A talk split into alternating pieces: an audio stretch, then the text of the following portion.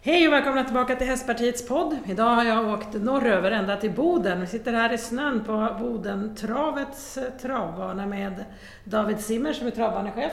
Hej hej! Och så har jag med mig Olle Svensson Hej hej! som egentligen är den som har bjudit hit oss.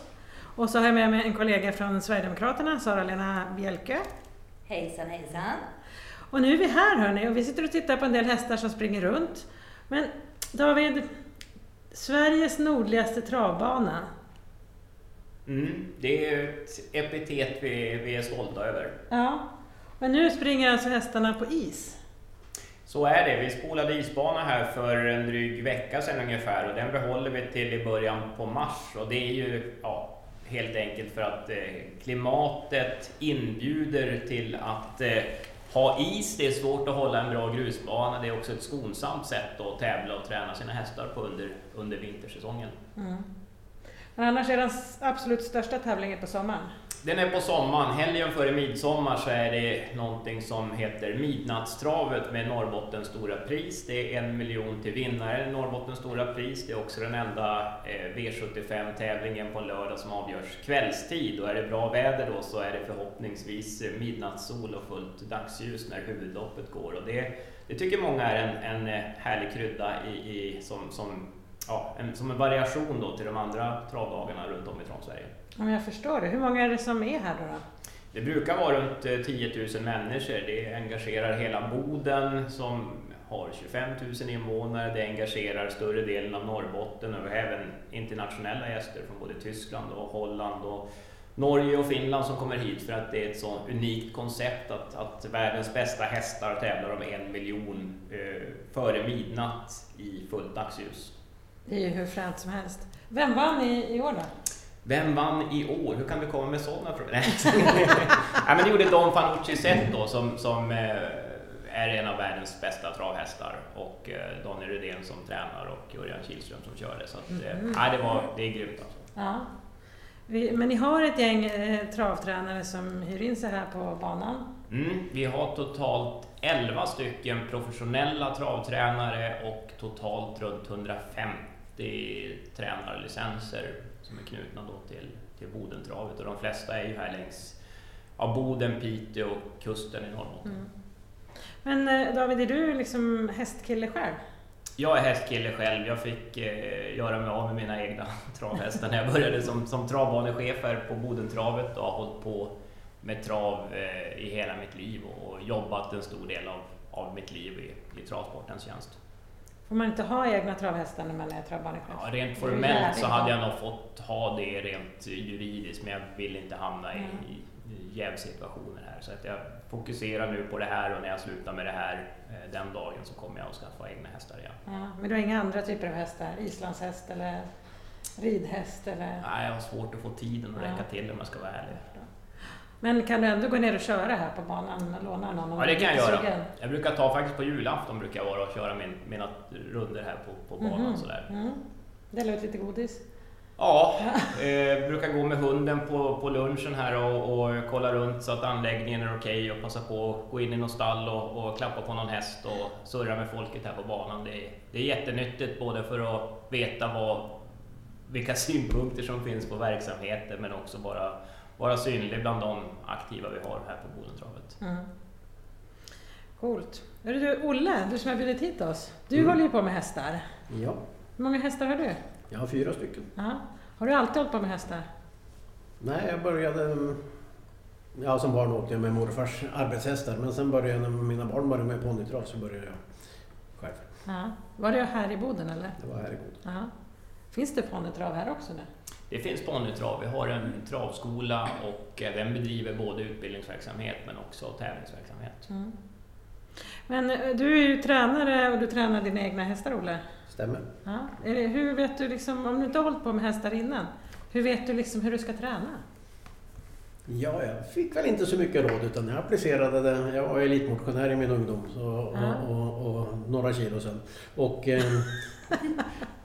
jag, jag drog paralleller där. En, Ja. en långa grundträningspass, så att de var väl grundade. Ja. Och sen så lastar man och ripa banan för att köra lite fort. Ja. Och så kände man av tempot att ja, det här är nog klart för att starta. Ja. Och så blev det. Har det varit lyckosamt? Ja, det har det varit. Ja, det var härligt. Ja. Men när du ska köpa en häst då, hur vet du liksom, vad tittar du på? Vad ska du ha för häst? Jag tittar ju på eh, startfrekvensen, att den inte har varit avställd under lång tid. Mm. Utan att det är en eh, synbart frisk häst. Och sen så eh, tittar jag ungefär på rekordtider, hur mycket pengar har den på sig. Mm. Och sen så tittar jag vem som har tränat den.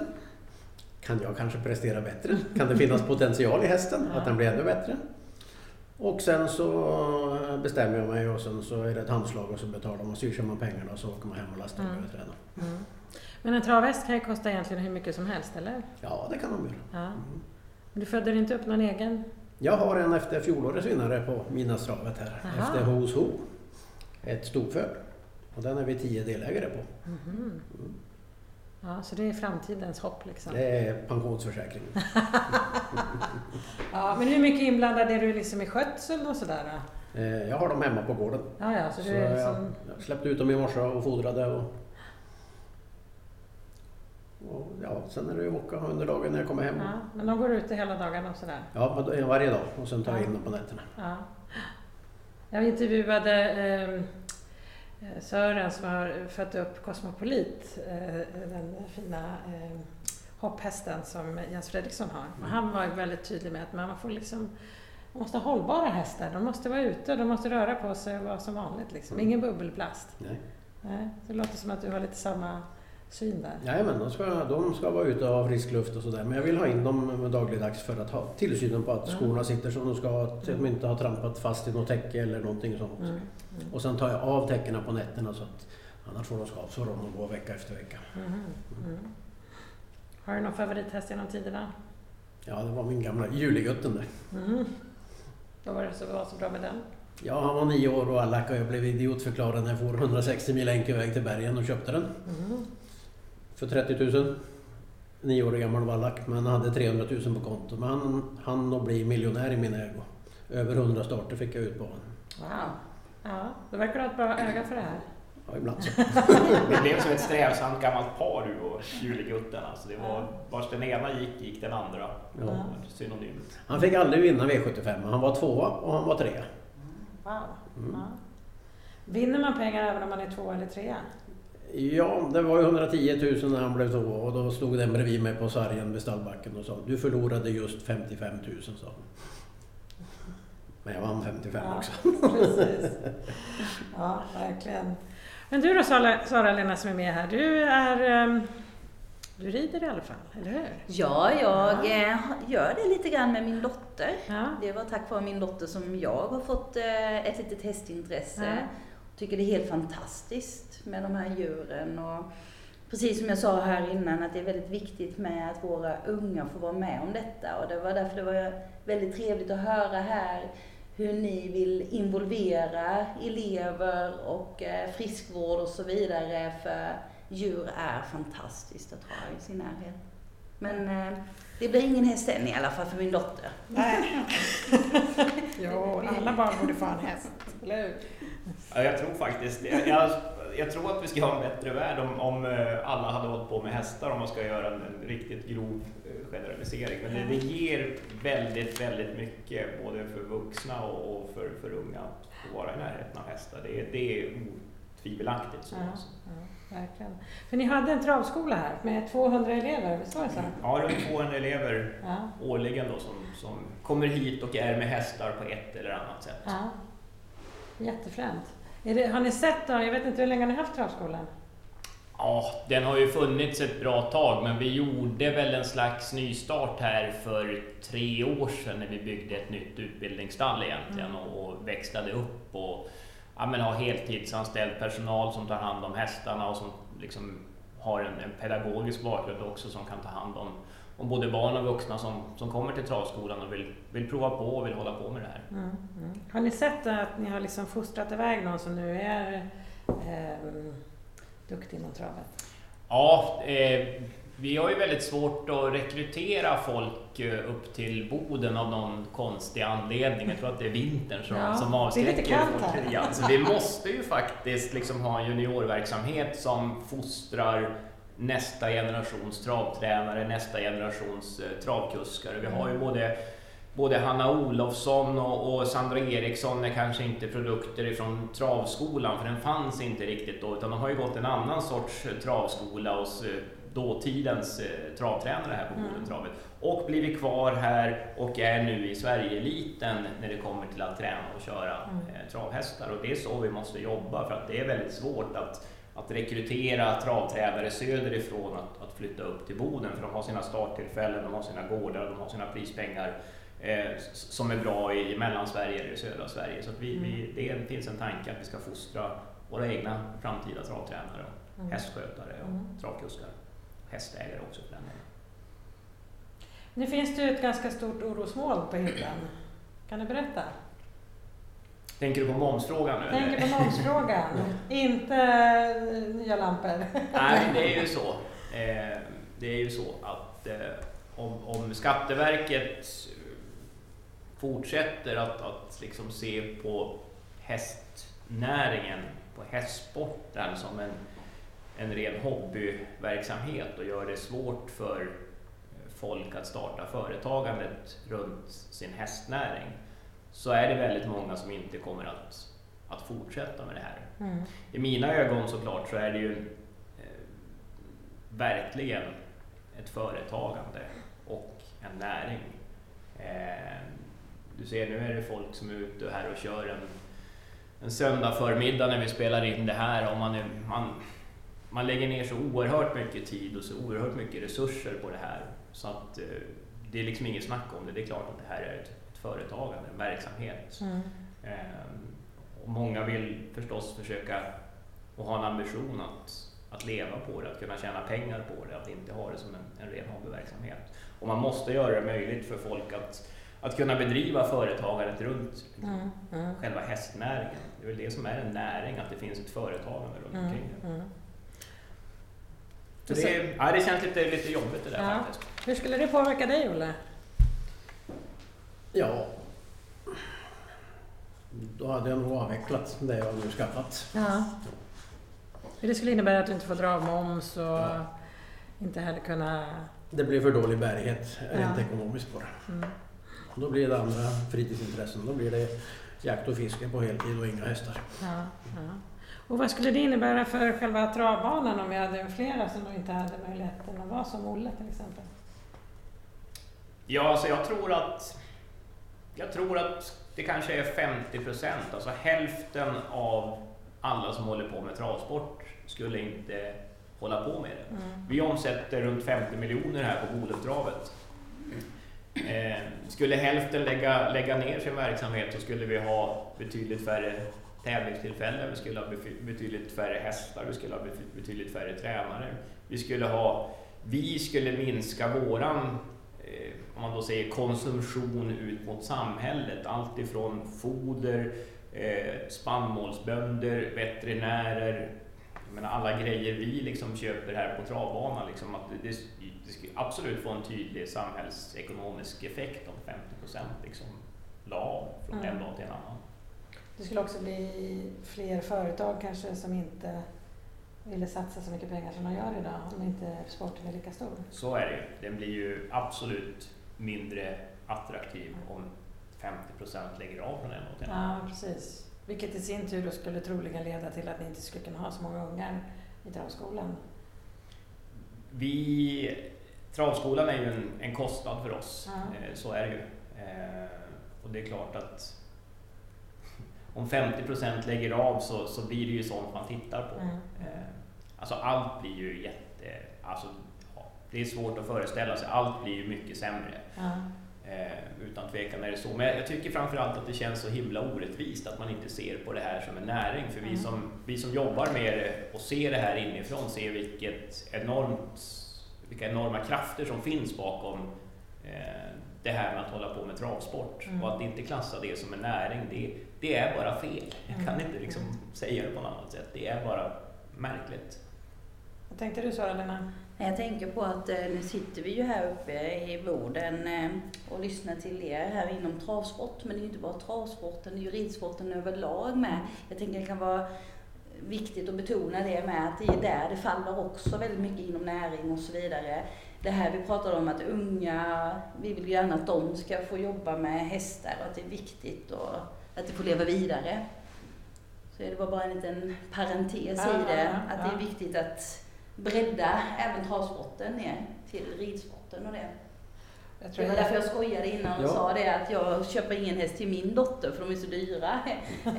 Jag läste, jag läste en urs- eh, undersökning en gång att om man adderar alla individer som håller på med, med, med ridsporten i ridstallar, i småskolor, i småbyar och överallt och har egen häst och hej och hå och adderar ihop alla de individer så är det fler människor som pysslar med häst än som spelar fotboll. Mm.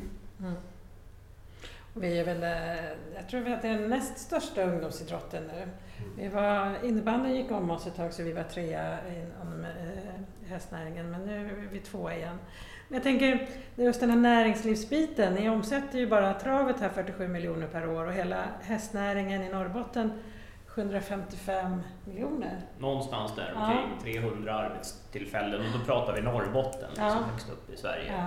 Det är det mest befolkade. Om man nu ska bygga ett nytt stålverk här uppe och det flyttar hit 3000, ja, 4000 personer till så blir det ännu fler kanske som håller på med hästar här uppe.